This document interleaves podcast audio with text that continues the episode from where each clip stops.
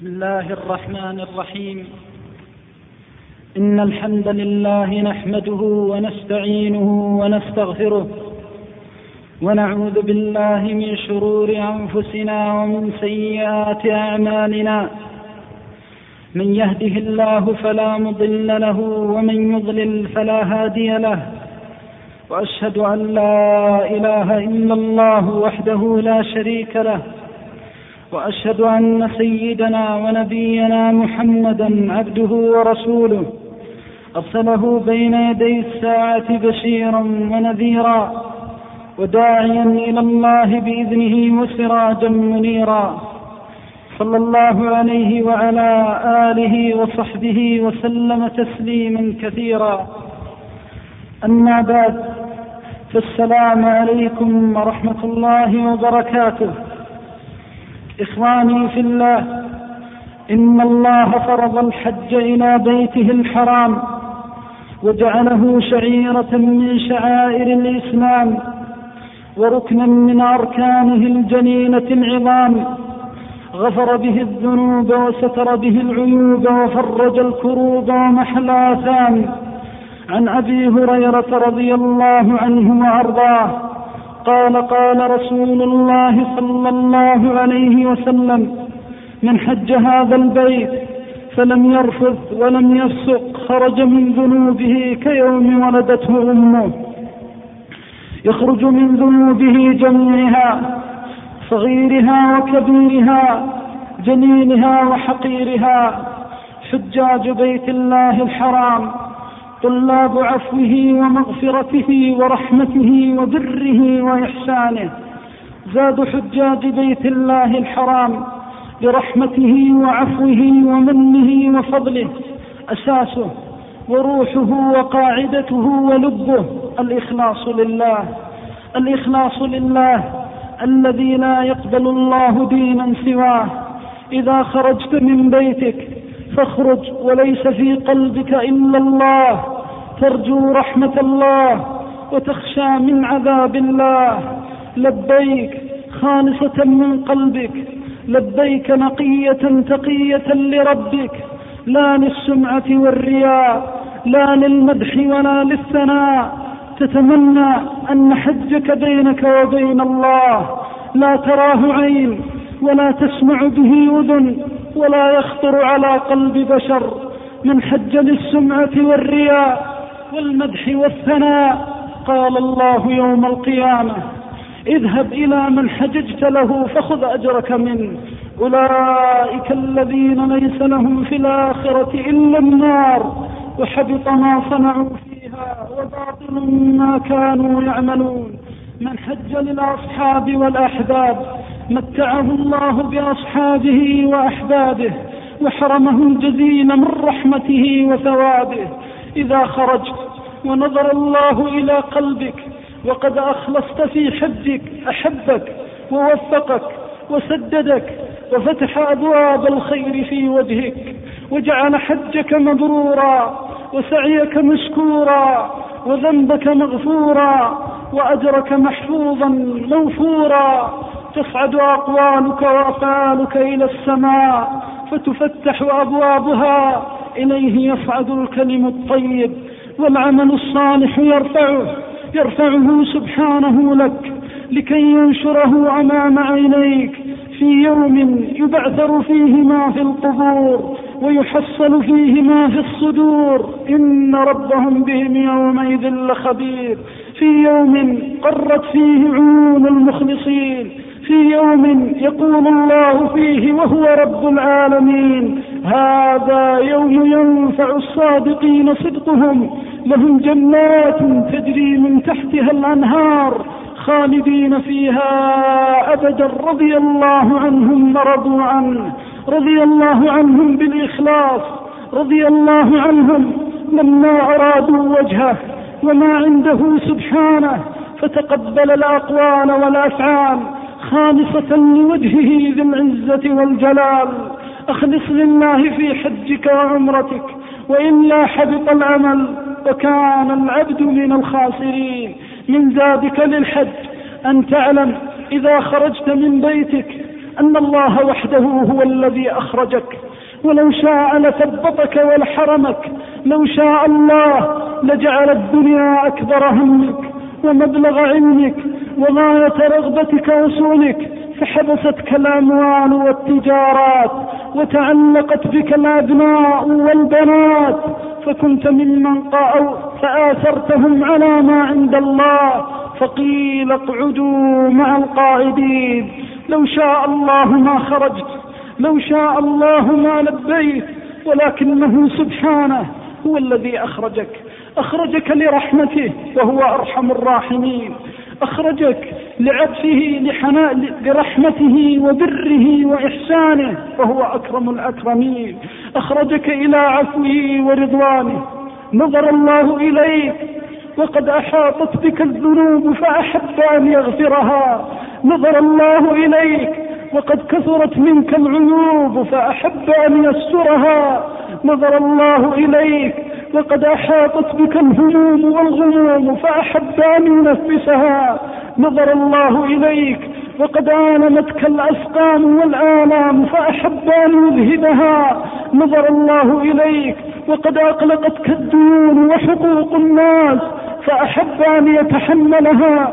سبحانه ما أرحمه سبحانه ما أفضله وما أكرمه وما أوفاه وما أبره اختارك من بين الملايين برحمته وهو أرحم الراحمين. اختارك وأنت أفقر ما تكون إليه وهو أغنى ما يكون عنك. اختارك لرحمته فتشكره وتذكره. لو أن عبدا من عباد الله اختارك من بين المئات والألوف لضيافته أو مناسبته لشكرته وذكرته وحمدته. ولله المثل الأعلى. ما قدرناه حق قدره ولا شكرناه حق شكره. فاحمده فإنه يرضى عن الحامدين. واشكره فإنه تأذن بالشكر. فإنه تأذن بالمزيد للشاكرين. إذا أراد الله أن يكون حجك مبرورا وسعيك مشكورا رزقك المال الحلال والكسب الطيب. حتى إذا قلت يا رب أجاب دعوتك قال يا رسول الله ادعو الله أن يجعلني مستجاب الدعوة. قال أطب مطعمك تستجب دعوتك. كم من لقمة من حرام حجبت صاحبها عن الله كم من لقمة من حرام حجبت إجابة الله فإذا أراد الله أن يجعل حجك مبرورا وسعيك مشكورا قيض لك الكسب الحلال. والله طيب لا يقبل إلا طيبا. إذا أراد إذا حججت بمال لست تملكه فما حججت ولكن حجت العير. لا يقبل الله إلا كل صالحة ما كل من حج بيت الله مبرور كم من أشعث أغبر ذي طمرين يطيل السفر يرفع يديه إلى السماء. يا رب يا رب ومطعمه بالحرام وملبسه بالحرام وغذي بالحرام فأنا يستجاب لذلك. إذا أراد الله أن يجعل حجك مبرورا وسعيك مشكورا قيض لك رفقة الصالحين قيض الله لك أقواما. إذا نسيت الله ذكروك وإذا ذكرته أعانوك غضيضة عن الشر أعينهم ثقيلة عن الباطل أرجلهم. أمضاء عبادة وأطلاح سهر. الحج المبرور يستعان عليه بالرفقة الصالحة. والإخوان الصالحين فكم غير الله أقواما برفقة الصالحين كم أصلح الله من أحوالهم وكم أصلح الله من شؤونهم لما كانوا مع الصالحين هم القوم لا يشقى بهم جليس. رفقة الصالحين معونة على الخيرات والباقيات الصالحات إما أن يكونوا أكثر منك فتتمنى خيرهم فيبلغك الله أجرهم قال يا رسول الله الرجل يحب القوم ولما يعمل بعملهم قال أنت مع من أحببت فمن أحب الصالحين أحب الخير وهدي إليه فإن لم يستطع فعله بلغه الله أجره بالأمنية والنية. ومن خيار من تصعب لحجك وبيت ربك عالم فاضل تهتدي بهديه. وتقتدي بسمته ودله. عالم يأخذ بحجزك عن النار ويقيمك على سبيل الأبرار. إذا نظرت إليه ذكرت الله وإذا سمعت وإذا سمعته أعانك على طاعة الله. صحبة العلماء وطلاب العلم الأتقياء الصلحاء معونة على الحج المبرور معونة على كل خير وبر ورحمة. قال صلى الله عليه وسلم هم القوم لا يشقى بهم جليل. وإذا صحبت العلماء فاحفظ حقوقهم واحفظ واحفظ حرمتهم وكن كأحسن ما يكون الصاحب لصاحبه. الله الله أن يكون منك شيء الخلال أو سيء الخصال فيشهد على ذلك خيار عباد الله عليك. كن كأحسن ما يكون عليه طالب العلم وكأحسن ما يكون عليه الرفيق لرفيقه. تحفظ مشهدهم وتحفظ غيبتهم وترعى مشاعرهم وتهتدي بسمتهم ودلهم. إذا أراد الله أن يجعل حجك مبرورا وسعيك مشكورا عصم لسانك عن الزلات والهنات والسوءات وتتبع العورات. حتى لا تبلى بالدركات. قال يا رسول الله أو إنا مؤاخذون بما نقول؟ قال ثكلتك أمك يا معاذ وهل يكب الناس في النار على وجوههم أو على مناخرهم إلا حصائد ألسنتهم؟ فتتق الله في لسانك وتكون مسلما منقادا لله مستسلما. قد سلم المسلمون من لسانك وزلات جوارحك وأركانك تحفظ اللسان. كان شريح إذا أحرم بالحج والعمرة كأنه حية صماء. كان السلف يحفظون لسانهم حتى يبلغوا قول رسول الله صلى الله عليه وسلم من حج هذا البيت فلم يرفث ولم يفسق خرج من ذنوبه كيوم ولدته أمه. اشترط النبي صلى الله عليه وسلم لهذه المغفرة والرحمة سلامة لسانك. وهي وصية الله في كتابه ووصيته لأوليائه وأحبابه. الحج أشهر معلومات فمن فرض فيهن الحج فلا رفث ولا فسوق ولا جلال في الحج. اتفقت كلمة السلف وعبارة الأئمة رحمة الله عليهم في قوله سبحانه فلا رفث. هو الكلام الذي يكون عند النساء مما يثير إلى الشهوة ويبعث عليها. وأما الفسوق فمذهب طائفة من السلف أنه المعاصي كلها. فإذا أراد الله أن يجعل حج العبد مبرورا عصم لسانه وحفظه عما لا يليق فأصبح لله ذاكرا ولنعمته شاكرا. ومن ذكر الله ذكره ومن شكر الله فإن الله يجزي الشاكرين ولا يضيع أجر المحسنين. إذا رأيت العبد ينهج لسانه بذكر الله ويعمر أوقات حجه بكلام بالكلام في طاعة الله فاعلم أن ذلك من بشائر القبول من الله سبحانه وتعالى. احفظ لسانك فإن حفظ اللسان سبيل إلى الجنان كما ثبت عن النبي صلى الله عليه وسلم أنه قال من يحفظ لي ما بين لحييه وما بين رجليه أضمن له الجنة. فضمن الله الجنة لمن حفظ اللسان من هناته وزلاته والفرج من مساوئه وتبعاته. إذا لبى الملبي تعمر لسانك بذكر الله. وتذكر قول رسول الله صلى الله عليه وسلم ما من مسلم يلبي إلا لبى ما عن يمينه وشماله من حجر وشجر حتى تنقطع الأرض. تذكر الله قائما وتذكره قاعدا وتذكره على جنب في طاعته سبحانه على جميع الشؤون والأحوال. من علامة الحج المبرور سلامة جوارحك وأركانك من أذية المؤمنين. فإن الله عز وجل إذا أحب عبده وفقه لاستغلال جوارحه في طاعته وبلوغ أعلى المنازل من محبته ومرضاته. من برور الحج أن تكون محسنا إلى المسلمين لا مسيئا. سئل عليه الصلاة والسلام كما روى الطبراني وأحمد في مسنده عن برور الحج فقال صلوات الله وسلامه عليه إفشاء السلام وإطعام الطعام. قال العلماء من برور الحج إفشاء السلام وإطعام الطعام. ليس المراد أن ينحصر في هاتين الخصلتين وإنما هو إشارة إلى صلاح اللسان وصلاح الجوارح والأركان. معناه أنه حاج بار ما رأى المسلمون منه إلا الخير في لسانه وفي جوارحه وأركانه. فقل أن تجد مسلما يفشي السلام إلا كان لسانه معصوما من الآثام. لأن الذي يسلم فيه خصال, خصال المؤمنين الحقة فيه التواضع وفيه المحبة محبة الخير للمسلمين. ولذلك يسلم حتى يكون دعاؤه وسلامه رحمة بإخوانه المسلمين. الذي يفشي السلام ويطعم الطعام.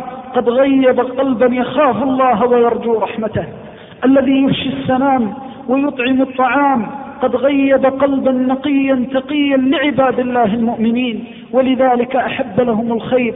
فكان في أعلى المراتب وهي مرتبة الإحسان إلى الناس لا مرتبة الإساءة. الحج أشهر معلومات.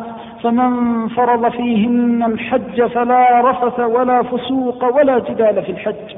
الفسوق معصية الله جل جلاله فتكون بالعين بالنظر وتكون باللسان بالكلام وتكون بالسمع بسماع الحرام والآثام وتكون بالأقدام وتكون بالأيدي فيحفظ الحاج لبيت الله جوارحه. يحفظها حينما يستشعر أنه ضيف على الله جل جلاله والضيف يرعى حرمة مضيفه الضيف يرعى حرمة الضيافة ويتقي الله جل جلاله فمن تقواه لله سبحانه أن يحفظ جوارحه وأركانه فلا يرسل عينه بالنظرات إلى عورات المؤمنين والمؤمنات ولكن يتقي الله جل جلاله. كل الشرور مبداها من النظر ومعظم النار من مستحقر الشرر. كم نظرة فتكت في قلب صاحبها فتك السهام بلا قوس ولا وتر.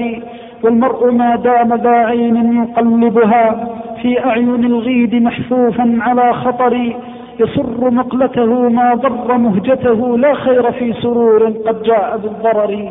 لا خير والله في نظرة إلى الحرام في البلد الحرام والشهر الحرام ومن حجاج بيت الله الحرام. قال العلماء المعصية تتعاظم بالزمان وبالمكان وبالحال. فهي لا تضاعف لأن الله لا يضاعف السيئات وإنما يضاعف الحسنات. قالوا إنما يعظم إثمها ويعظم وزرها إذا كانت في زمان محرم أو كانت في مكان محرم أو كانت على حالة ينبغي للمسلم أن يرعى حرمتها. ففي الزمان الحرام كأشهر الحرم وأشهر الحج منها ثلاث سرد وهي ذو القعدة. أصلها شوال وذو القعدة وذو الحجة فهي أشهر الحج. ومنها شهران محرمان نهى الله عباده المؤمنين أن يظلموا فيها أنفسهم. هذان الشهران الحرامان قد يكون الإنسان فيهما. فتكون الحرمة والذنب والمعصية أعظم من الوقوع في غيرها. فالنظرة إلى الحرام في بيت الله الحرام وكذلك في الشهر الحرام والإنسان متلبس بحرمات الإحرام فإن ذنبها أعظم ووزرها أكبر فينبغي للإنسان أن يخاف الله جل جلاله.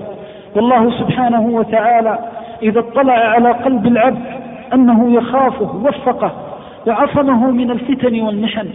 فالذي يقع في الفتن والمحن غالبا لا يكون إلا وهو مستخف بعظمة الله سبحانه وتعالى. فيحرص الحاج إلى بيت الله الحرام على حفظ نفسه من الفسوق والآثام يحرص على سلامة, سلامة لسانه من الغيبة والنميمة والسباب والشتائم وغير ذلك من المحرمات فإن رأى خيرا ذكره وإن رأى سوءا وشرا ستره وهذا هو حال أهل الإسلام. نسأل الله أن يجعلنا وإياكم ممن وفق لهذه الخصلة من خصال الكرام. من علامة بر الحج ومن علامة قبوله الخشوع.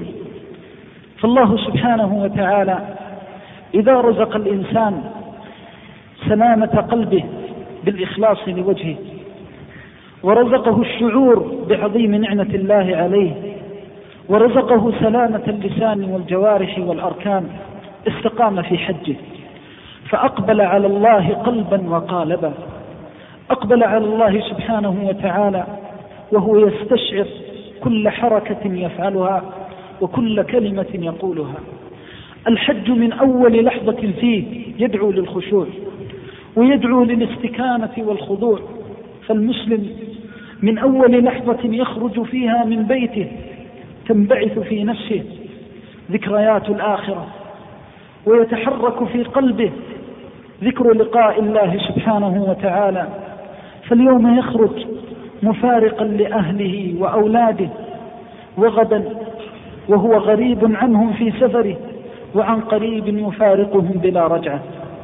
وإذا قدم على الميقات فأزال ثيابه وتجرد لإحرامه تذكر ساعة تنزع منها ثيابه وينزع من الدنيا فلا يعود إليها أبدا. فلا إله إلا الله من يوم لبست فيه ثيابك وقد كتب الله جل جلاله ألا تنزع هذا الثوب الذي لبسته. فلا إله إلا الله من, لي من يوم لبست فيه ثيابك. وكتب الله جل جلاله ألا تنزع هذا الثوب الذي لبسته وأنه ينزع منك. فإذا تجردت لإحرامك تذكرت هذه الساعة التي تنزع فيها من أهلك وأولادك وأحبابك وجيرانك. وإذا اغتسلت تذكرت خرير الماء عليك وأنت تغسل لكفنك ولحدك. وإذا سرت في جموع المؤمنين استشعرت في كل لحظة وأنت ضيف على الله رب العالمين. من علامة الحج المبرور أن يكون الحاج في كل حركة وفي كل سكون يستشعر هذه العبادة. يقول لبيك بقلب حاضر وبلسان صادق يستشعر معناها وما فيها من دلائل. قال العلماء لبيك من لبى إذا أجاب. فكأنه يقول وكأنه يأخذ العهد على نفسه أنه يستجيب لطاعة الله ربه إجابة بعد إجابة. وقيل لبيك من لب الشيء وهو خالصه وناصحه وأفضله الذي لا شائبة فيه. فكأنك تقول أنا على الإخلاص لك يا رب. وكأنك تعاهد الله على أن تكون أفعالك وأقوالك وأعمالك لوجهه سبحانه وتعالى. ليس فيها لأحد سواه حظ ولا نصيب. وقيل لبيك من قولهم داري تلب بدارك إذا جاورتها فكأنك تقول أنا مجاور لطاعتك ومقيم عليها إقامة بعد إقامة فكأنه يأخذ العهد على نفسه أن يقيم على طاعة الله. وأن يستقيم على محبة الله سبحانه وتعالى. وإذا كتب الله جل جلاله للعبد فدخل البيت الحرام فإنه يحمد الله سبحانه وتعالى أن بلغه هذا المكان. وانظر وانظر إلى هذا المكان الطيب المبارك الذي شرفه الله وكرمه واستشعر عظمة الله سبحانه وتعالى. هذا المكان الذي وطئته قدماك كان يوما من الأيام واديا لا أنيس فيه ولا جليس. أمر الله الخليل أن يأتي بأهله وذريته فجاء بامرأة ضعيفة وصبي صغير فأمره الله وابتلاه واختبره أن يضعهما في هذا المكان. فلما أراد أن ينصرف عنهما تعلقت المرأة الضعيفة وقالت إلى من تدعنا يا إبراهيم؟ قال لله فقال علي قالت فقالت إذا لا يضيعون الله. فلما انصبت قدماه في الوادي وولى وقد جعل أهله وذريته وراء ظهره صدع بالدعوات المباركات. استجاب لأمر الله ثم دعا ربه فقال رب إني أسكنت من ذريتي بواد غير ذي زرع عند بيتك المحرم. ربنا ليقيموا الصلاة. كانت أشجانهم وأحزانهم للدين ولطاعة رب العالمين ما كانت للدنيا ولا للهوى. أسكنت من ذريتي بواد غير ذي زرع. عند بيتك المحرم ربنا ليقيموا الصلاة لتوحيدك وطاعتك والإنابة إليك. فاجعل أفئدة من الناس تهوي إليهم. سبحان الله. إذا دخلت في حجك أو دخلت في عمرتك فرأيت الألوف وهي تطوف ببيت الله جل جلاله فاذكر دعوة الخليل عليه الصلاة والسلام. استجاب الله دعوته فحنت القلوب إلى بيت الله الحرام وأصبح الرجل تراه قد شاب شعر رأسه وشيبة ولحيته يتمنى من الله سبحانه أن يبلغه البيت العتيق. كل ذلك استجابة من الله لدعاء الخليل. قال العلماء استجاب لأمر الله وأقام أمر الله عز وجل بإحضار أهله وذويه ثم دعا فاستجاب الله دعوته. فمن أطاع الله وامتثل أوامره استجاب الله دعوته. وها هي الجموع تكتظ في هذا المكان. فانظر إلى عظيم رحمة الله عز وجل. ومن استجاب للخليل لما أخلص لوجهه وأناب إليه سبحانه سيجيب دعوتك. ويفرج كربتك ويستر عورتك إن صدقت معه كما صدق. وإذا سعيت بين الصفا والمروة فاذكر أن بين هذين الجبلين كربة من الكربات فرجها الله من فوق سبع سماوات. امرأة ضعيفة ليس معها أحد وقد عطش صبيها فأصبحت تقبل وتدبر في هذا المكان مفجوعة خائفة وجلة ولكن كان قلبها لله متعلقا بالله منصرفا إلى الله لا إلى شيء سواه فجعل الله تفريج كربها من تحت قدم صبيها وابنها وجعل الله الماء الذي جرى من تحت هذه القدم يبقى إلى الأبد طعام طعم وشفاء سقم لما أخلصت لله في دعائها. وإذا كنت مكروبا فإن الله سيفرج كربتك. وإن جئت شاكيا ضارعا إلى الله جل جلاله وصدقت كما صدقت هذه المحرومة الفزعة الوجنة الخائفة الذليلة فإن الله يؤمن خوفك كما أمن خوفها ويقضي حاجتك كما قضى حاجتها ويزيل عناءك كما أزال عناءها. تستشعر وأنت بين الصفا والمروة همومك وغمومك وأشجانك وأحزانك وكرباتك فتضعها بين يدي الحي القيوم الذي لا تأخذه سنة ولا نوم. بين يدي الله جل جلاله منتهى كل شكوى وسامع كل نجوى وكاشف كل ضر وبلوى تدعوه بقلب مخلص موقن لا يعرف أحدا سواه. أمن يجيب المضطر إذا دعاه فتستشعر في هذه الأماكن وهذه المنازل أن الله يجيب الدعوات. واستمع إلى المؤمنين والمؤمنات وانظر إلى عظمته جبار السماوات والأرض يوم عجت ببابه الأصوات واختلفت اللغات. والله لا يضيع منها حرف واحد ولا تغيب منها كلمة واحدة. ولا تخفى عليه مسألة منها سبحانه وتعالى.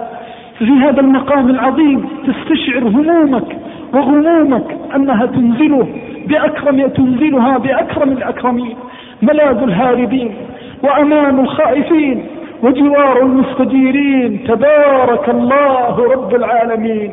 أستودع الله أموري كلها. إن لم يكن ربي لها فمن لها. لنا مليك محسن إلينا. من نحن لولا فضله علينا. تبارك الله وجل الله. أعظم ما فاهت به الأفواه. سبحان من ذلت سبحان من ذلت له الأشراف. اكرم من يرجى ومن يخاف. فتدعوه وأنت موقن أنه لا يخيبك وأنه لا يردك. وإذا مضيت إلى عرفات وأشرقت عليك شمس ذلك اليوم المبارك فاحمد الله جل جلاله أنها أشرقت عليك وأنت ضيف على الله. احمد الله جل جلاله أنها أشرقت عليك فما كنت من المحرومين. وما كنت من المثبطين فقل يا رب أكرمتني بهذا الموقف ولو شئت لحرمتني. فلا تجعلني أشقى عبادك في هذا اليوم العظيم. إذا لا أشرقت عليك شمس يوم عرفات فاذكر رحمة الله فاطر الأرض والسماوات. وانظر إلى ذلك الموقف العظيم بقلب يعظمه. بقلب أسلم إليه سبحانه وتعالى من بيده مقاليد السماوات والأرض جل جلاله وتقدست أسماؤه وصلي وأخلص إلى الله جل جلاله في صلاتك ثم انصرف إلى الدعاء. وهذه الساعات لا تضيع في أي لحظة منها لا تضيع منها لحظة ولا تضيع منها دقيقة. وأفضل ما يكون منك أن تذكره سبحانه وتعالى بتوحيده. قال صلى الله عليه وسلم خير الدعاء دعاء وخير الدعاء. خير يوم طلعت عليه الشمس يوم عرفة. وخير ما قلت أنا والنبيون من قبلي لا إله إلا الله وحده لا شريك له. فالإنسان يقبل على هذا الموقف وهو يذكره. ويمجده ويعظمه. لا إله إلا الله خالصة من قلبك معظمة لربك وأنت تحس أنه أقرب إليك من حبل الوريد وأنه يسمعك وأنه يراك. سبحانه جل جلاله. وإذا وقفت بين يديه وقف وأنت تحس أن الذنوب قد كثرت وأن العيوب قد عظمت. وأن الخطايا قد جلت ولكنه أرحم الراحمين. وأنه لم يسئ ظنك فيه وهو الحليم الرحيم. فتقبل على الله جل جلاله بقلب يناديه ويناديه بصدق وإخلاص. يدعوه تدعوه من كل قلبك أن يغفر ذنبك وأن يستر عيبك وأن يفرج كربتك وأن يرحمك. فلا إله إلا الله. كم أشرقت شمس ذلك اليوم على أشقياء فغابت وهم سعداء. لا إله إلا الله. كم أشرقت شمس ذلك اليوم على أقوام مذنبين مسيئين فغابت وهم مطهرون مرحومون مغفور لهم. لا إله إلا الله. إذا رحم الله برحمته ونفح بحلمه وعفوه وكرمه سبحانه وتعالى. لا إله إلا الله. إذا نزل جبار السماوات والأرض نزولا يليق بجلاله وعظمته على الحقيقة. ينزل إلى السماء الدنيا لأنه علم أنه لا يجيب دعاء ما سواه وعلم أنه ليس للمسألة أحد عداه كائنا من كان. ولو كان نبيا مقربا ونبيا مرسلا أو ملكا مقربا ينزل إلى السماء الدنيا لكي يرحم المذنبين ويغفر للمسيئين ويقبل ويقيل عثرات النادمين سبحانه وتعالى. ينزل إلى السماء الدنيا في تلك الساعة المباركة لكي يباهي بالجموع المؤمنة ملائكته. انظروا إلى عبادي أتوني شعثا غبرا من كل فج عميق يرجون رحمتي ويخافون عذابي أشهدكم أني قد غفرت لهم. فلله نفحات ولله رحمات ولربما غفر الله جل وعلا لأهل الموقف جميعهم لربما غفر الله جل جلاله لأهل الموقف نساء ورجالا ورحمهم جميعا شبابا وشيبا وأطفالا فرحمته واسعة وخزائنه ملأى بيده سبحانه وتعالى الخير كله فتناديه وأنت موقن برحمته وتحس أنك أفقر العباد إليه وأغناهم به سبحانه وتعالى وتعج ببابه جل جلاله مسترحما مستحلما مستعطفا بالله سبحانه وتعالى. فإذا غابت شمس ذلك اليوم خرجت وأنت تحسن الظن بالله سبحانه وتعالى أن يجعل سعيك مشكورا وذنبك مغفورا وأجرك موفورا وتنطلق إلى تلك المشاهد الباقية بقلب مستحضر لعظمة الله سبحانه وتعالى. فتقف بمزدلفة وأنت تحس بجلال ذلك الموقف الذي أثنى الله عز وجل عليه في كتابه. هذا الموقف الذي قل أن يدعو الإنسان فيه بإخلاص وترد دعوته. وكان بعض السلف يقول ما سألت الله حاجة وحال الحول إلا قضاها الله لي.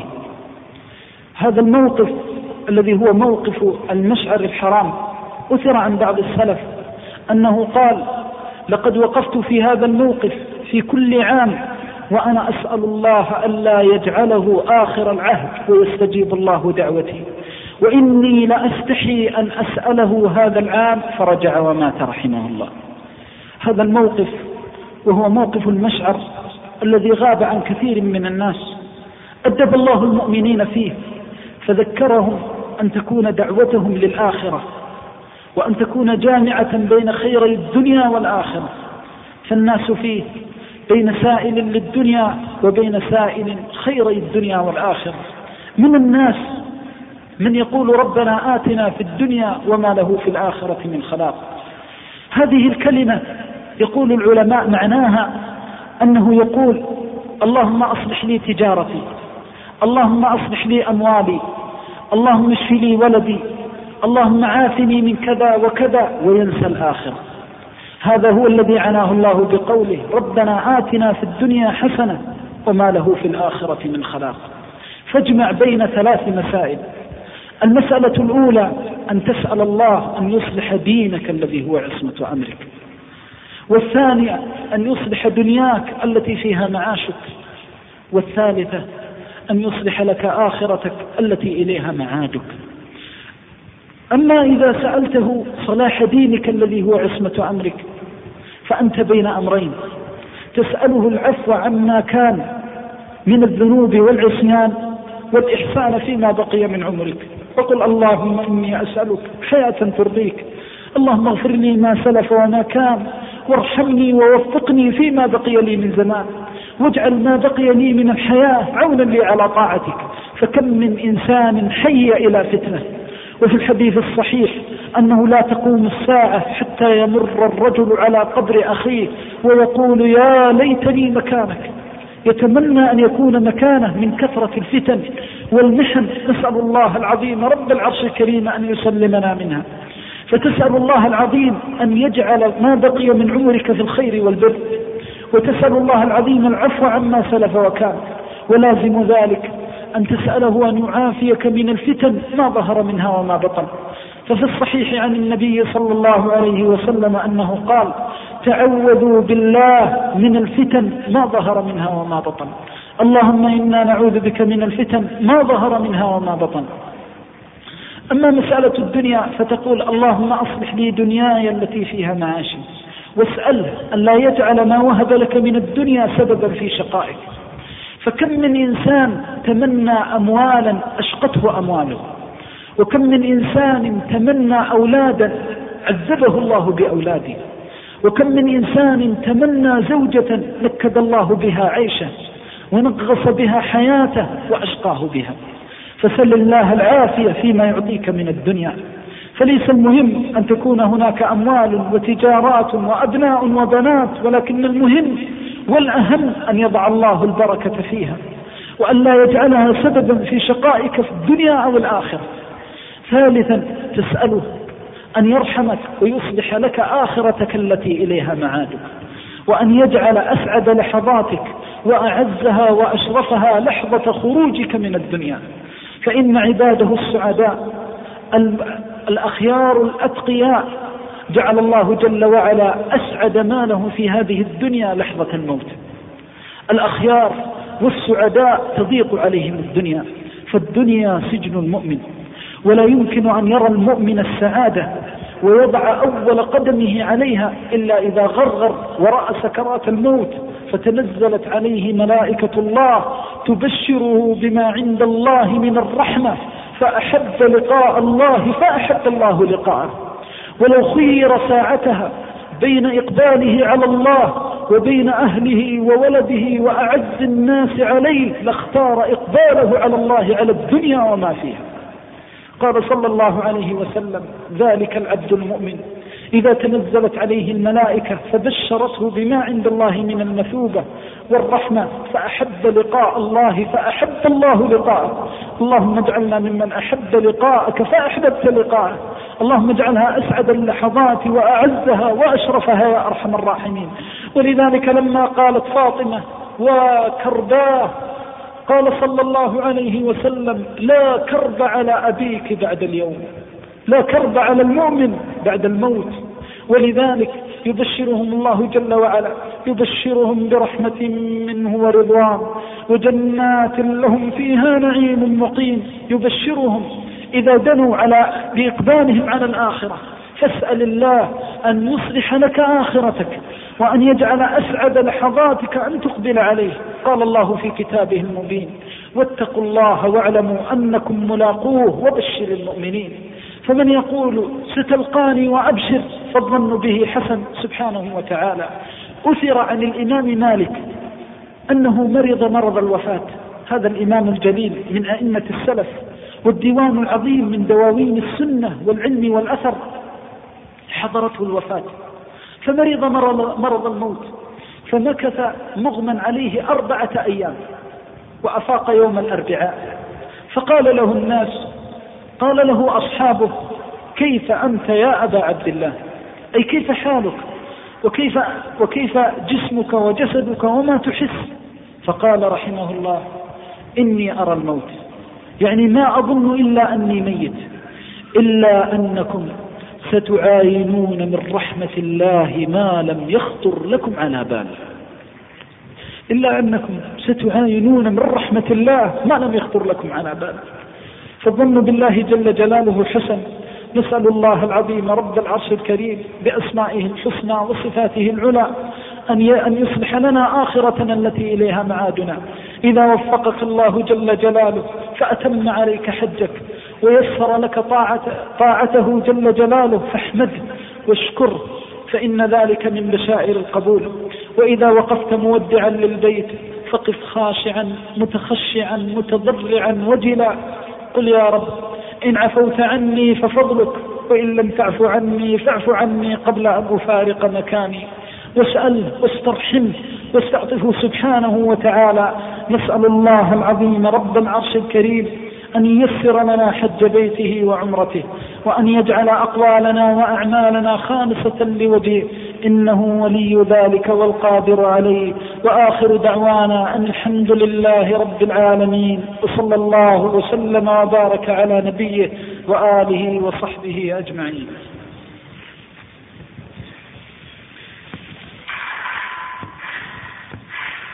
شكر الله لفضيلة شيخنا هذه الكلمات الطيبات. ونسأل الله سبحانه وتعالى أن يجعل ذلك في موازين حسناته يوم يلقاه. وردت أسئلة كثيرة. ولعلنا في ما بقي من الوقت نعرض ما يكون هو الأهم والأجدر بالعرض.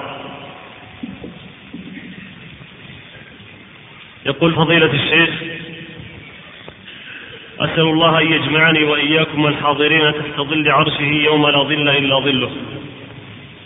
أحوال المسلمين في كل مكان لا يعلمها إلا الله. فيا حبذا لو تفت المسلمين عموما والحجاج خصوصا على الدعاء لهم فعسى أن تخرج دعوة صادقة ينفس الله بها الكربات وجزاكم الله خيرا. بسم الله الحمد لله والصلاة والسلام على رسول الله وعلى آله وصحبه ومن والاه. أما بعد فإن الدعوة سهم من سهام المؤمنين. الدعوة إذا استجيبت لا ترد. والدعوة إذا استجابها الله فإنها ماضية نافذة. ولكن من الذي يوفق للدعوة المستجابة؟ ومن حق المسلم على المسلم أن يتألم بآلامه وأن يحزن لأحزانه وأشجانه. فكلما سمع بأخيه المسلم كربة أو نكبة تألم لها وكأنها به كان بعض العلماء إذا سمع بضر بالمسلمين تألم وسقم جسده حتى يعاد في بيته. وهذا من كمال الإيمان الذي أشار إليه النبي صلى الله عليه وسلم بقوله مثل المسلمين في توادهم وتراحمهم وتعاطفهم كمثل الجسد الواحد. فيتألم المسلم لضعفاء المسلمين ولنسائهم وأطفالهم وشبابهم وشيبهم وصغارهم وكبارهم. وكأن البلايا نزلت به فإذا بلغ هذه المرتبة فليحمد الله جل جلاله أن رزقه الإيمان والشعور. فيقدم لإخوانه المسلمين وأقل ما يقدمه وليس بقليل أن يدعو لهم بظهر الغيب. سل الله أن يفرج كرباتهم سله في مواطن الإجابة ومواطن الدعاء وأنت ساجد بين يديه وفي الأسحار وبين الأذان والإقامة ونحو ذلك من المواضع المستجابة. نسأل الله العظيم رب العرش الكريم بأسمائه الحسنى وصفاته العلى أن يفرج, عن أن يفرج هم المهمومين وأن ينفس كرب المكروبين وأن يفك الضيق عن المأسورين. إنه ولي ذلك والقادر عليه والله تعالى أعلم. يقول فضيلة الشيخ يعلم الله أننا نحبك في الله. بعض الإخوة لم يحجوا حجة الإسلام وهم مترددون في ذلك مع استطاعتهم فما توجيهكم لهم؟ جزاكم الله خيرا. من ملك الزاد ووجب عليه الحج إلى بيت الله سبحانه وتعالى ولم يقم بفريضة الله فقد عصى الله جل جلاله.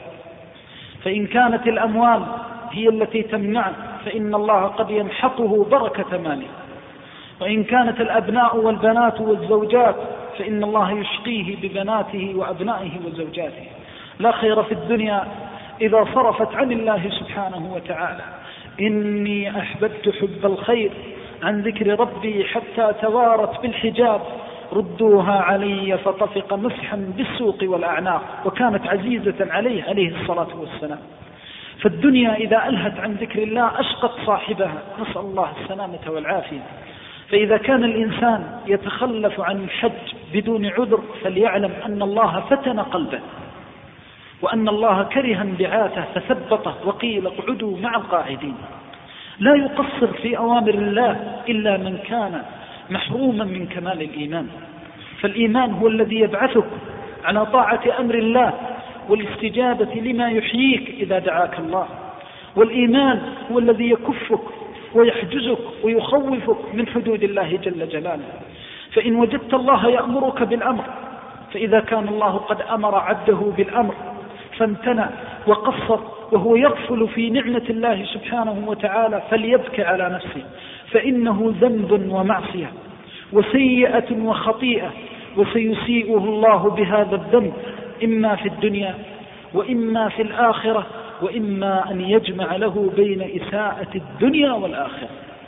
من تخلف عن الحج فقد عصى الله جل جلاله وسيرى عاقبة هذه المعصية. كان السلف الصالح رحمة الله عليهم يعرفون التقصير في الطاعات والواجبات حتى في خلق الدابة والزوجة. من عصى الله جل جلاله فترك أمره واقترف نهيه وزجره فإن الله يعذبه بما فعل. فإما أن يسيء قال العلماء سميت السيئة سيئة لأنها تسيء لصاحبها إما في الدنيا وإما في الآخرة وإما أن يجمع الله له بين إساءة الدنيا والآخرة. نسأل الله السلامة والعافية. فمثل هذا فإنه وإن ارتاح قليلا فسيتعب كثيرا وإن لم يتداركه الله بالتوبة النصوح والندم عما سلف وكان ويستغفر الله مما بدر منه ويبادر إلى الحج إلى بيت الله الحرام ويحمد الله جل جلاله أن يسر له السبيل فليأذن نفسه بعقوبة من الله سبحانه وتعالى. إما عاجلة وإما آجلة وإما عاجلة وآجلة. نسأل الله العظيم ألا يبتلينا بمثل هذا إنه ولي ذلك والقادر عليه والله تعالى أعلم. يقول فضيلة الشيخ هل يحق هل يحق للوالدين أن يمنع ابنهما ابنهما من الحج لخوفهما عليه خاصة وأنه سوف يحج مع رفقة صالحة وليس لديه عائق إلا موافقة والديه أفتون مأجورين؟ هذه المسألة فيها تفصيل. إما أن يكون الحج واجبا وفرضا لازما فلا طاعة للوالدين. تطيع الله جل جلاله. ونص العلماء رحمهم الله. على أن الحج المفروض لا يشترط فيه إذن الوالدين. أما إذا كان الحج حج نافلة فإنك لا تخرج إلا بإذن والديك. فإن منعك الوالدان خاصة إذا كان منعهما له مبرر أو يخافان عليك وكان لخوفهما مبرر كضعف جسد الإنسان أو كون الإنسان لا يحسن التصرف في السفر فهذا من حق الوالدين. وبرك وجلوسك عند والديك تصيب به الأجران. قال العلماء إذا منع الوالدان فقد بر والبر فرض ولو خرج ترك الفرض لسنة ونافلة. فيجلس مع والديه ويكتب الله له أجر الحج كاملا بالنية. قال صلى الله عليه وسلم إن بالمدينة رجالا ما سلكتم واديا ولا ما سلكتم شعبا ولا قطعتم واديا إلا كانوا معكم إلا شركوكم الأجر. قالوا يا رسول الله كيف وهم في المدينة؟ قال حبسهم العذر. قال العلماء العذر عذران. عذر حسي يكون في الإنسان من مرض ونحو ذلك مما سمى الله عز وجل وعذر حكمي وهو العذر الشرعي. أن يمنعك عذر شرعي. فإذا امتنعت لبر الوالدين فهذا عذر شرعي. يكتب لك, لك الأجر وتبلغ بالنية ما لم تبلغه بعملك. والله تعالى أعلم. قل فضيلة الشيخ ما هي الأوقات الفاضلة للدعاء في الحج؟ السؤال الثاني هل من جدول مقترح لمن أراد حجا مبرورا؟ أما بالنسبة للأوقات أولا احرص بارك الله فيك على أمر هو قاعدة كل خير. وأساس كل بر في العبادات وهو التأسي بسنة النبي صلى الله عليه وسلم. فما من موقف وقف فيه رسول الله صلى الله عليه وسلم وحرص فيه على الدعاء إلا كنت كذلك حريصا على الدعاء. وتجتهد رحمك الله في التأسي به صلوات الله وسلامه عليه. واتبعوه لعلكم تهتدون. كتب الله الرحمة والهداية والخير والبر لمن سار على نهجه والتزم بسنته صلوات الله وسلامه. لا تستحدث من عندك أوقاتا ولا مناسبات ولا تستحسن شيئا على شيء إنما تكون خطواتك وآثارك وسيرتك وسريرتك على وفق السنة. قال بعض السلف إن استطعت ألا تحك رأسك إلا بأثر فافعل. أي إن استطعت ألا تفعل أي شيء إلا بسنة فافعل. وكانوا إذا أرادوا أن يثنوا على الرجل قالوا هو صاحب سنة فإذا أردت مواطن الدعاء فاجتهد في التأسي بالنبي صلى الله عليه وسلم. دعا عليه الصلاة والسلام وهو يطوف بالبيت. ودعا لما رقى على الصفا. وهذه السنة يضيعها كثير إلا من رحم الله. لما رقى على الصفا كبر الله وهلله ووحده سبحانه وتعالى. الله أكبر. في هذا المقام الذي وقف عليه عليه الصلاة والسلام في أول دعوته الجهرية. قال لهم قولوا لا إله إلا الله. فقال له أبو لهب تبا لك. ألهذا جمعتنا عمه وقريبه وأمام الناس يسفهه ويهينه صلوات الله وسلام عليه وهو الكريم. وإذا به في حجة الوداع يرده الله إلى نفس المكان ويوقفه صلوات الله وسلامه عليه ومعه مئة ألف من أمته وأصحابه. صلوات الله وسلامه كلهم يفديه بنفسه وروحه خلفا من الله وعوضا فلما رقى قال لا إله إلا الله وحده لا شريك له. له الملك وله الحمد وهو على كل شيء قدير. لا إله إلا الله نصر عبده وأعز جنده وصدق وعده. فهلل سبحانه وتعالى ثم شرع يدعو. ثم رد ثانية فهلل وكبر ثم دعا. ثم هلل وكبر ثلاث مرات. هذه السنة يضيعها كثير. كنا إذا حججنا مع بعض مشايخنا رحمة الله عليهم لربما في العمرة يمكث الساعتين إلى ثلاث ساعات. أما الآن فتجد المعتمر يقف في هذا الموقف قد تكون لحظات يسيرة. قد تبلغ الدقائق بل ثواني يريد أن يعجل حتى ينتهي من عمرته. هذا الموطن موطن دعاء. وكما قلنا موطن مكروبة مفجوعة منكوبة فرج الله كربتها ونكبتها. فهذا موطن دعاء تجتهد فيه. وإذا كان يوم عرفة ثبت في الحديث عنه عليه الصلاة والسلام أنه ذهب إلى الموقف. فإذا صليت مع الإمام فليس بوقت نوم ولا راحة. فتجتهد بذكر الله وتوحيده والثناء عليه ثم تجتهد في الدعاء والمسألة والإلحاح على الله عز وجل. وكلما دعوته تستلذ بالكلمات التي تخرج منك. تدعوه بقلب حاضر. كذلك أيضا في المشعر الحرام وقف صلى الله عليه وسلم. ودعا وتضرع حتى أسفر ثم دفع قبل الإسفار. مخالفة للمشركين كما ثبت في الحديث الصحيح. ثم لما كان اليوم الثاني وهو اليوم الحادي عشر رمى الجمرة الصغرى ثم أخذ ذات اليسار ورفع يديه ودعا دعاء طويلا. ثم مضى إلى الجمرة الوسطى ورماها ثم أخذ ذات اليسار ثم دعا دعاء طويلا. ثم مضى ورمى جمرة العقبة ولم يقف عندها. فما ثبت عنه عليه الصلاة والسلام أنه دعا عند جمرة العقبة. لا في يوم العيد ولا في أيام التشريق. فهذه المواطن هي أفضل المواطن. يقول العلماء من تحرى السنة في أي طاعة وذكر كان له أجران. أجر الدعاء وأجر التأسي. فأنت إذا وقفت هذه المواقف تتأسى بالنبي صلى الله عليه وسلم وتفعل كما فعل تثاب بثوابين. الثواب الأول ثواب العمل والثاني ثواب الاقتداء واتباع النبي صلى الله عليه وسلم. وهذا يجعل عبادتك أفضل وأكمل. ولذلك قال, قال بعض العلماء تعرفون مسألة هل الحرم المضاعفة مختصة بالمسجد أو تشمل جميع مكة؟ فبعض العلماء يرون وهو مذهب الجمهور أن المضاعفة تختص بالحرم وإن كان الأقوى أن المضاعفة تشمل الحرم كله لأحاديث منها حديث الحديبية وتسمية الله لمكة كلها بالمسجد الحرام. الشاهد أنه على القول الذي يقول إن مضاعفة مئة ألف صلاة تختص بالمسجد نفسه يقولون في يوم الثامن الذي هو يوم التروية صلاة الحاج في منن الظهر والعصر والمغرب والعشاء والفجر أفضل من صلاته بمكة. لأنه إذا صلاها بمنن نال فضل التأسي بالنبي صلى الله عليه وسلم فهي فضيلة الاتباع. وحينئذ يكون التأسي بالنبي صلى الله عليه وسلم يكون فيه الأجران.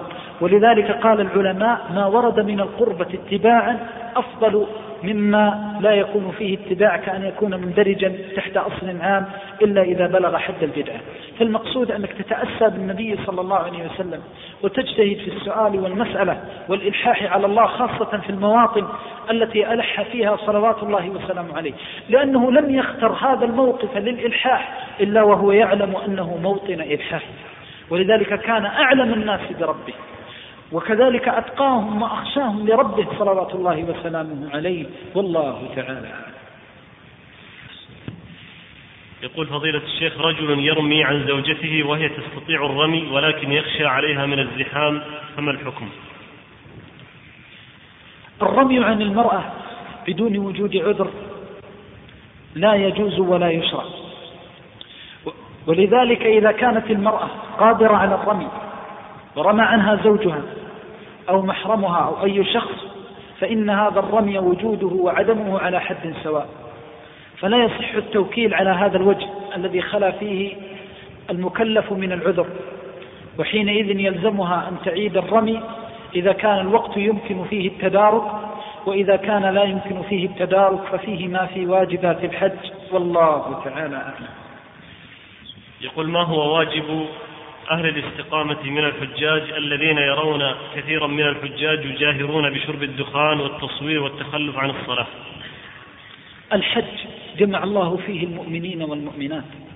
حتى نحس أننا مسلمون وأننا مؤمنون وأن الله قد ألف بين أرواحنا وجمع بين قلوبنا سيكمل بعضنا بعضا. كم أصلح الله من أحوال أقوام في هذا الحج. وكم استقامت قلوب لله جل جلاله بالنصائح الغالية والتوجيهات والمواعظ الهادفة في حج بيته الحرام. غير الله قلوبا وقوالب فأذعنت واستسلمت وصلحت واستقامت بالذكر بالتواصي بالحق بالأمر بما أمر الله والنهي عما حرم الله جل جلاله. فتحرص أخي في الله أن تؤدي لإخوانك حقهم عليك النصيحة.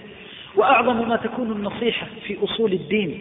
فإذا رأيت منه أخطاء في عقيدته سددته ووفقته وسددته وقومته ودللته على أصل الأصول وعلى الأساس الذي لا يمكن أن يقبل الله به عمل عامل حتى يصححه ويقيمه على المنهج السوي والطريق الرضي. ولذلك تأخذ بحجز بحجزه عن النار وتذكره بحق الله جل جلاله عليه. تسمع منه كلمة فيها استغاثة بغير الله أو استجارة بغير الله تدله على توحيد الله وإسلام القلب لله وأنه ما جاء لهذا المكان إلا لكي يقيم حق لا إله إلا الله. فتبين له هذا الأصل وتقرره واعلم رحمك الله أنك لو رأيت منه هذا الذنب العظيم وسكت تعلق بك بين يدي الله جل جلاله. وقال يا رب رآني على هذا المنكر ورآني على هذا الخلل والزلل ولم يأمرني بأمرك ولم ينهني عن نهيك. كذلك إذا رأيت منه الأخطاء في أقواله وأفعاله سواء كان رجلا أو كانت امرأة هتكت حجابها واعتدت حدود ربها ذكرتها بالله. يا أمة الله اتق الله. يا أمة الله افعلي. يا أمة الله اتركي. وإن العبد ليتكلم بالكلمة من رضوان الله ما يلقي لها بالا يكتب الله له بها رضاه إلى يوم يلقاه. ربما تمر على عاصم منتهك لحدود الله فيتمعر قلبك لله فتقول من كل قلبك اتق الله فيكتب الله لك بهذه الكلمة رضا لا سخط بعده أبدا. الأمر بالمعروف والنهي عن المنكر هو قاعدة الخير وأساس البر ولذلك عظم الله به الأجور ورفع به الذكر وما رفع قدر العلماء إلا لما قاموا بدينه ما رفعهم بأحسابهم ولا أنسابهم ولا ألوانهم ولكن رفعهم لما رفعوا دينه وأقاموا حجته على عباده سبحانه وتعالى. وجعلهم مرفة للأنبياء وشرفهم وكرهم بالأمر بأمره والنهي عن نهي فمن أراد أن ينال أو يبلغ مرضاة الله فليتشبه بالعلماء العاملين الصديقين الذين يأمرون بأمر الله وينهون عن حدود الله ومحارم الله. فتأمر بطاعة الله وتنهى عن معصية الله. ولا عليك يقبل من يقبل ويرد من يرد. فما كلفت بنتائج عملك. إنما كلفت أن تقيم بحق الله جل جلاله. نسأل الله العظيم. رب العرش الكريم أن يجعلنا هداة مهتدين غير ضالين ولا مضلين. والله تعالى أعلم. بأنه ستجمع تبرعات لمسلمي البوسنة والهرسك حسب ما جاءنا من الهيئة العليا لجمع التبرعات. وذلك بعد الصلاة وسيكون عند الأبواب من يجمع التبرعات. فضيلة الشيخ هل من نصيحة لشاب قيدته المعاصي كلما أراد التوبة عاودته الذنوب؟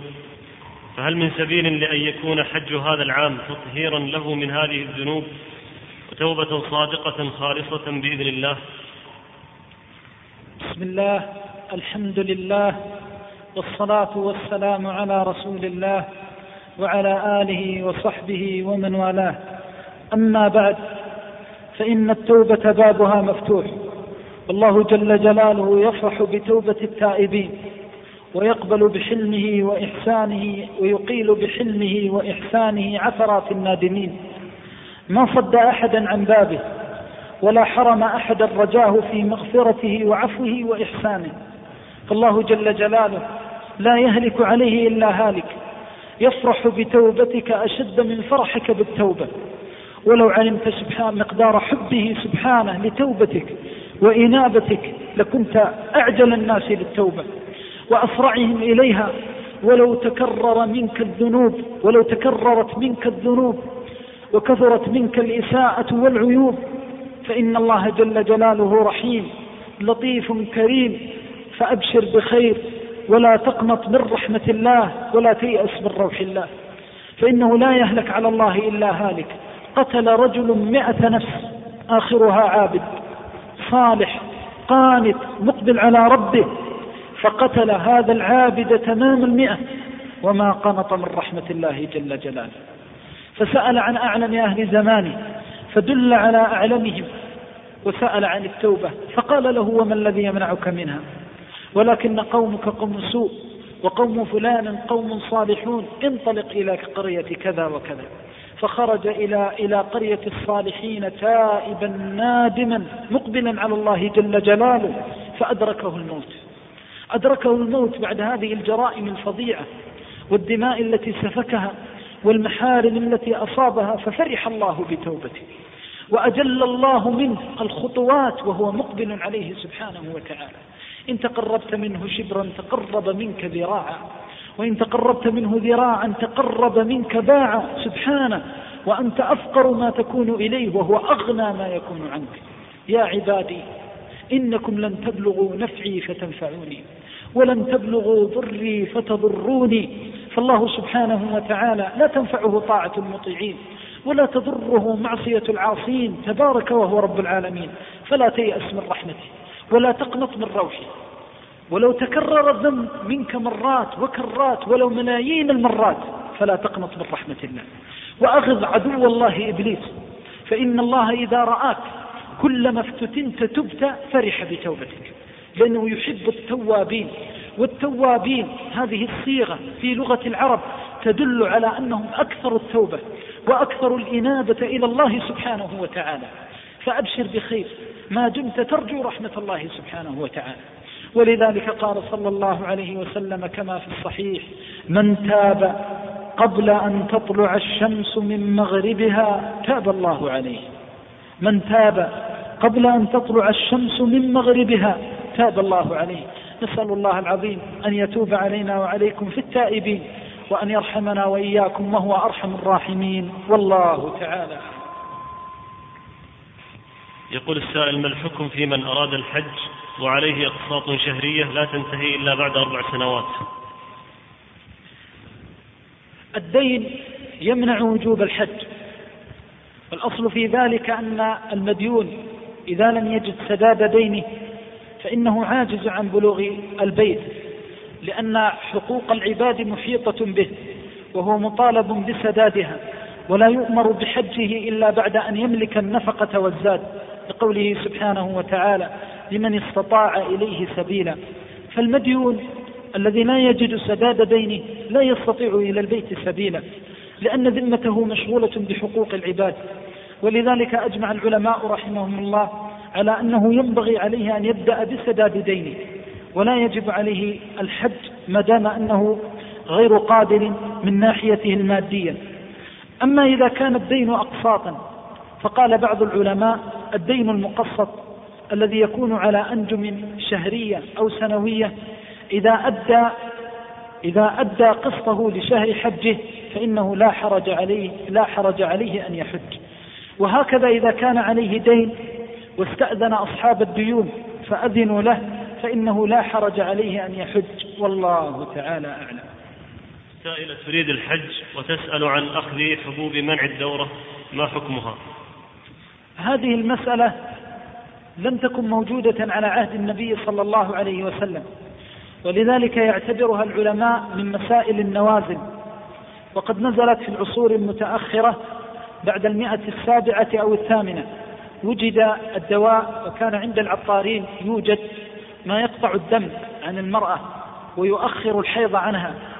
فقال بعض العلماء إنها إذا شربت الدواء الذي يقطع حيضها ويؤخر عادتها فعبادتها صحيحة وهذا هو القول الصحيح لأن الشرع علق الحكم على وجود الدم فإن وجد الدم تعلق به المنع وإن انتفى فإنها لا تعتبر ممنوعة من عبادتها لأن الأصل فيها أنها مكلفة. وبناء على ذلك قالوا إنها إذا شربته وصامت صح صيامها ولو شربته وحجت وطافت صح طوافها وحجها لأن الله علق الحكم بوجود الدم. والله تعالى أعلم. يقول فضيلة الشيخ ما الكتب التي تنصح بالاستعانة بها في الحج؟ كتاب الله والسنة الصحيحة.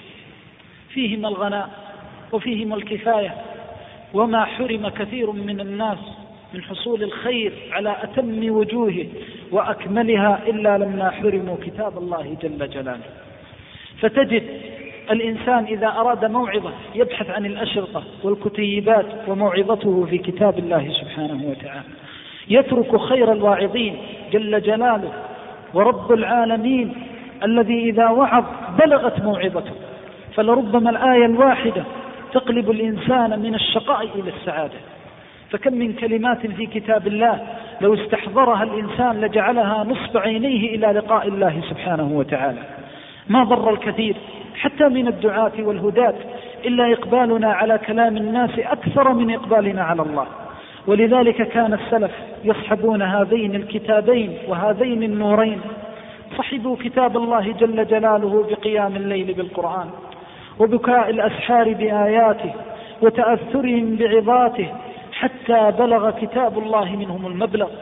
فتقرحت قلوبهم وأقبلوا على الله ربهم يدعونه ليلا ونهارا ويخبتون إليه سرا وجهارا أن يرزقهم جنة ويحجب عنهم نارا. كانوا أئمة في الخير بهذا الكتاب. اصحب كتاب ربك واصحب مواعظه معك. وانظر إلى, إلى أثر هذه المواعظ وعظيم انتفاعك بها. قرأنا القرآن. وما حضرت قلوبنا عند قراءته. وسمعناه. وما حضرت قلوبنا عند سماعه.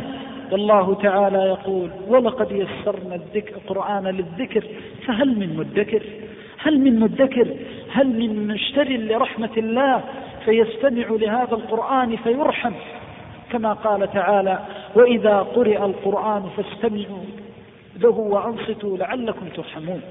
الاستماع لكتاب الله وكثرة التلاوة والتدبر هي التي تعين على كل خير. وما نال السلف الصالح رحمة الله عليهم الاستقامة على أتم وجوهها وأكملها فشرفهم الله أئمة لهذه الأمة الصالحة إلا بكتاب الله جل جلاله. كان الرجل يختم كل على الأقل كل شيء منهم من يختم كل شهر مرة ومنهم من لا تمر عليه عشر ليال إلا وقد ختم كتاب الله. ومنهم وهو من أكملهم أكملهم وأفضلهم الذي أصاب السنة أن يختم كل ثلاث ليال. يعرف كتاب الله أوامره ونواهيه ووعده ووعيده وتخويفه وتهديده وبشارته ونذارته في كل ثلاث مرة. يقف لكي يعرض قلبه وقالبه وأقواله وأعماله على هذا الكتاب. فأوصيك أن تصحب كتاب الله معك. أن تصحب هذا الكتاب فتتلوه إن كنت حافظا وتسمعه إذا لم تكن حافظا وتقرأه ولو بالنظر وسترى الخير الكثير من الله سبحانه وتعالى. فإنه كتاب أحكمت آياته ثم فصلت من لدن حكيم خبير ففيه الخير كله. كذلك تصحب سنة النبي صلى الله عليه وسلم الصحيحة وتعلم ما الذي أمرك الله به فتفعله وما الذي نهاك عنه فتتركه وتسأل دائما عن هديه وسمته ودله فإن العلم بالسنة رحمة. ولذلك أقرب الناس لرحمة الله جل جلاله علماء السنة العاملون بها المهتدون بهديها الداعون إليها تجدهم في رحمة. حتى إن وجوههم مشرقة في الدنيا والآخرة. قال صلى الله عليه وسلم نظر الله امرأ سمع مقالتي فوعاها فحفظها ووعاها وأداها كما سمعها فرب مبلغ أوعى من سامع نظر الله نظر الله من النظارة وهي الحسن والوضاء والجمال. قال العلماء إن هذا الحديث يدل على أن الله سبحانه وتعالى يهب لأهل الحديث النور في وجوههم. قال بعض العلماء نظر الله أي في الآخرة. فيحشرون يوم القيامة ووجوههم مشرقة من نور السنة. جعلنا الله وإياكم من أهلها. وقال بعض العلماء الحديث عام وهو الصحيح. فنظر الله أي في الدنيا والآخرة. ولذلك قل أن تجد عالما عاملا بالسنة إلا وجدت وجهه مشرقا كالشمس والقمر بنور السنة. ولذلك عرف أهل السنة بهذا النور في وجوههم. سيماهم في وجوههم من أثر السجود من أثر التأسي بالنبي صلى الله عليه وسلم والاقتداء به. ولذلك يحرص الإنسان على هذين النورين أن يصحبهما. نسأل الله العظيم أن يرزقنا حبهما والعمل بهما والإتساء بهما حتى يكون القرآن شفيعا لنا في موقفنا بين يدي ربنا. إنه ولي ذلك والقادر عليه. والله تعالى أعلم. سائلة تقول أنا امرأة متزوجة وأعمل في مجال التدريس.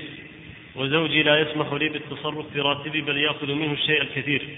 وقد يقترض ولا يرد القرض وأنا لست راضية بهذا ولا يسمح لي بأن أعطي والدي ووالدتي ولا يسمح لي بشراء الملابس وهو الذي يختار ما ألبسه. مع العلم أني حريص على الملابس الشرعية. وسؤالي هل يحق, هل يحق للزوج أخذ راتب زوجته؟ وجزاكم الله خيرا.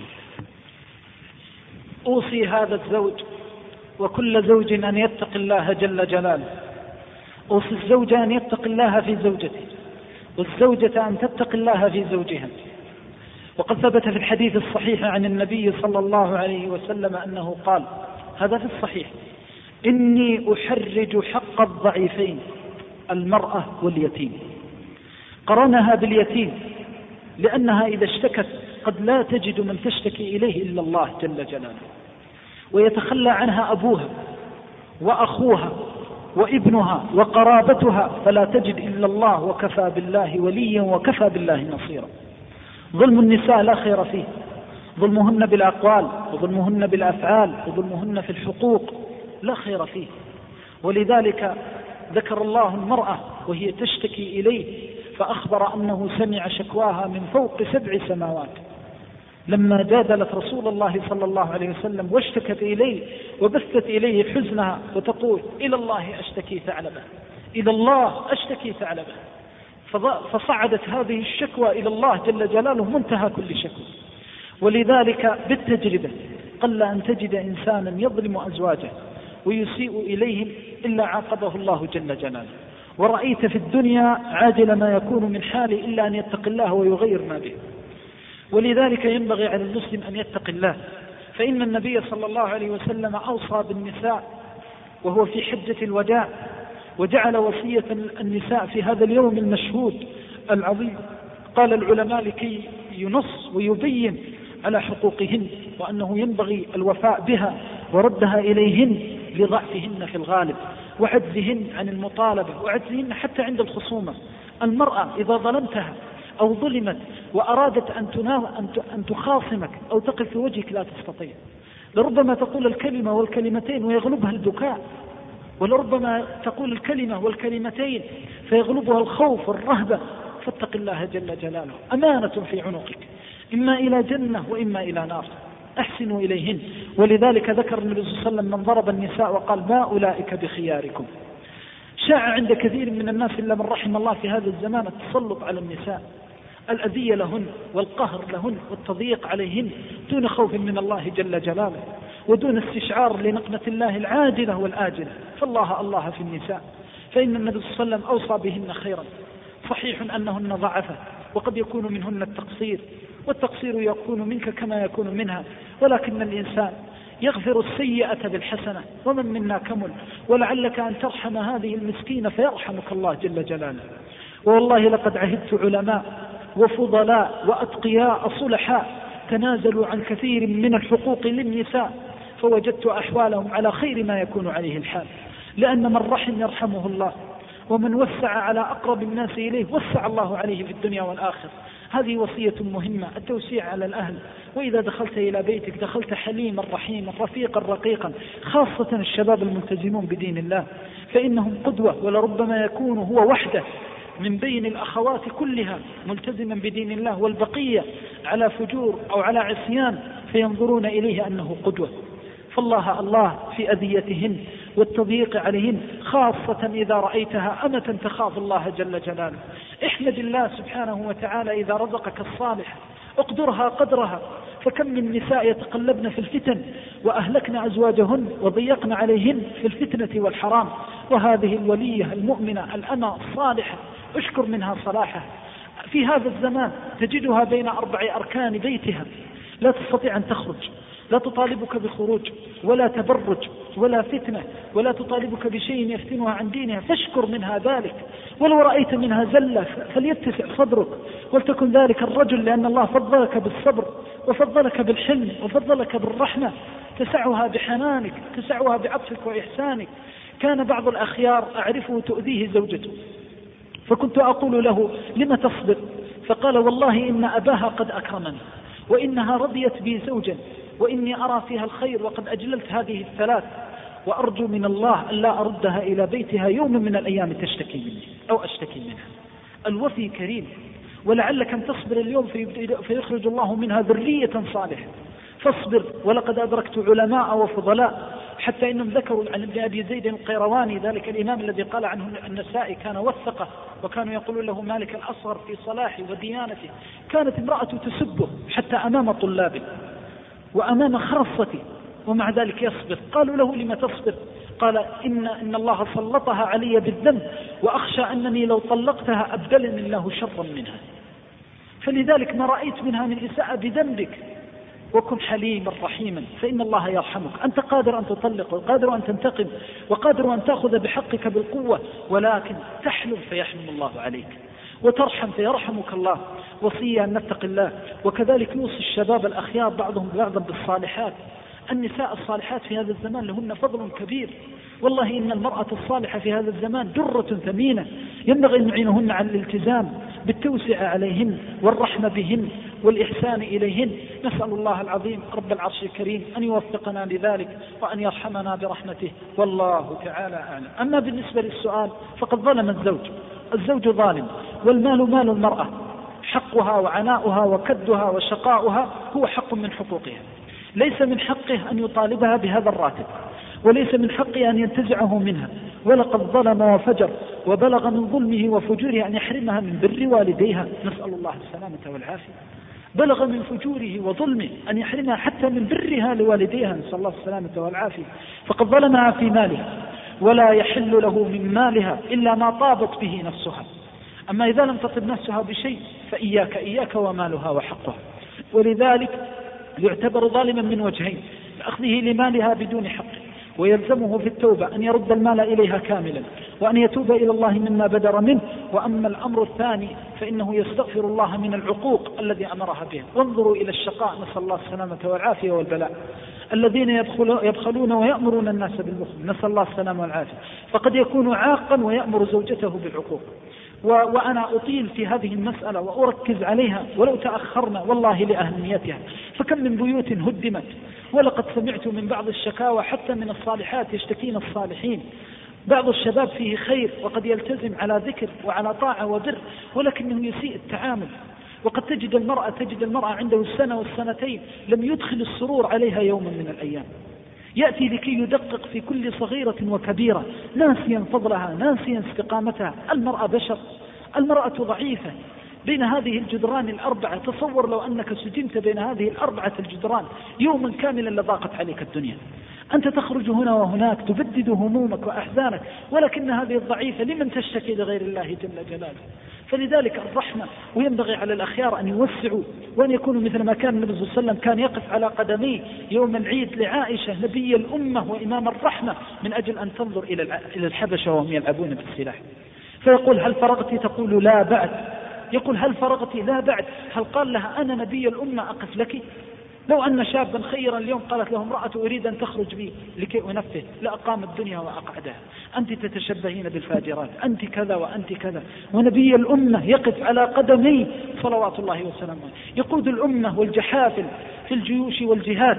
وإذا دخل إلى بيته دخل حليما رحيما موضع الكنف صلوات الله وسلامه. فيأخذ بمجامع تلك القلوب ببره وإحسانه. فيأخذ القصعة من أم المؤمنين عائشة رضي الله عنها فيقسم عليها أن تشرب قبل أن يشرب. من يفعل هذا الفعل؟ تشرب قبل شربه. ثم إذا شربت وضع فمه حيث وضعت فمها من يفعل هذه الأفعال الكريمة غير الصالحين؟ وإذا لم يفعلها الصالحون فمن يفعلها؟ فالله الله في حقوق النساء في التوسعة عليهن وإدخال السرور عليهن. نسأل الله العظيم رب العرش الكريم أن يجعلنا من الخيار للأزواج. وآخر دعوانا أن الحمد لله رب العالمين.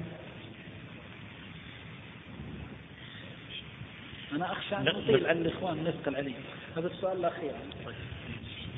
إحدى الأخوات إحدى الأخوات تطلب كلمة للحاضرات بحظهن على الخير وخاصة الحجاب. غلبكم النساء اليوم.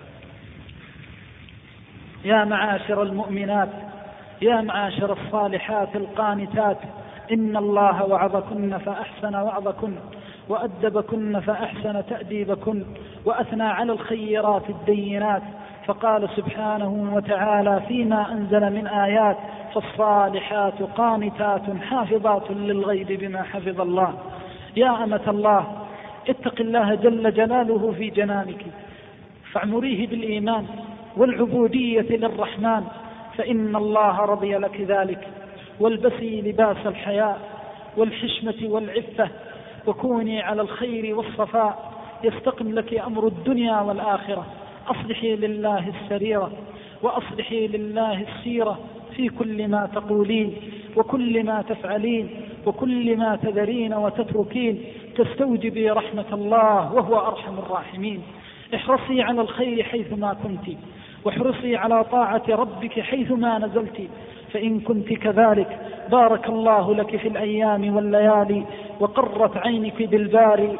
أسأل الله العظيم رب العرش الكريم أن يوفقنا لمرضاته وأن يبلغنا منازل الرحمة في جناته. وآخر دعوانا أن الحمد لله رب العالمين. وصلى الله وسلم وبارك على نبيه وآله وصحبه أجمعين.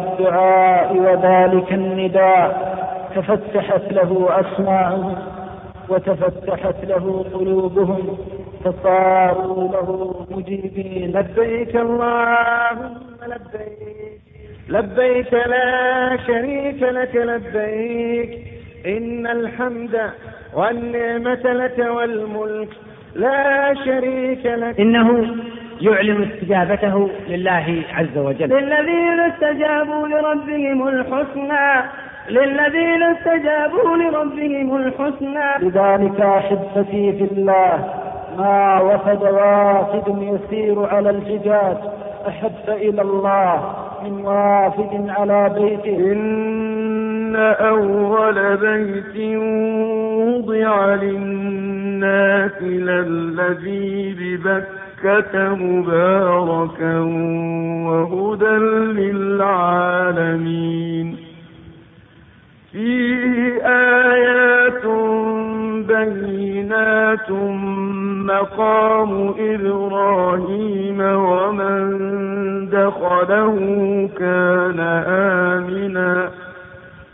ولله على الناس حج البيت من استطاع إليه سبيلا. لبيك اللهم لبيك. ومن كفر فإن الله غني عن العالمين. لبيك لا شريك لك لبيك. وأتموا الحج والعمرة لله. لبيك اللهم لبيك. فاجتنبوا الرجس من الأوثان واجتنبوا قول الزور. لبيك لا شريك لك لبيك. الحج أشهر معلومات.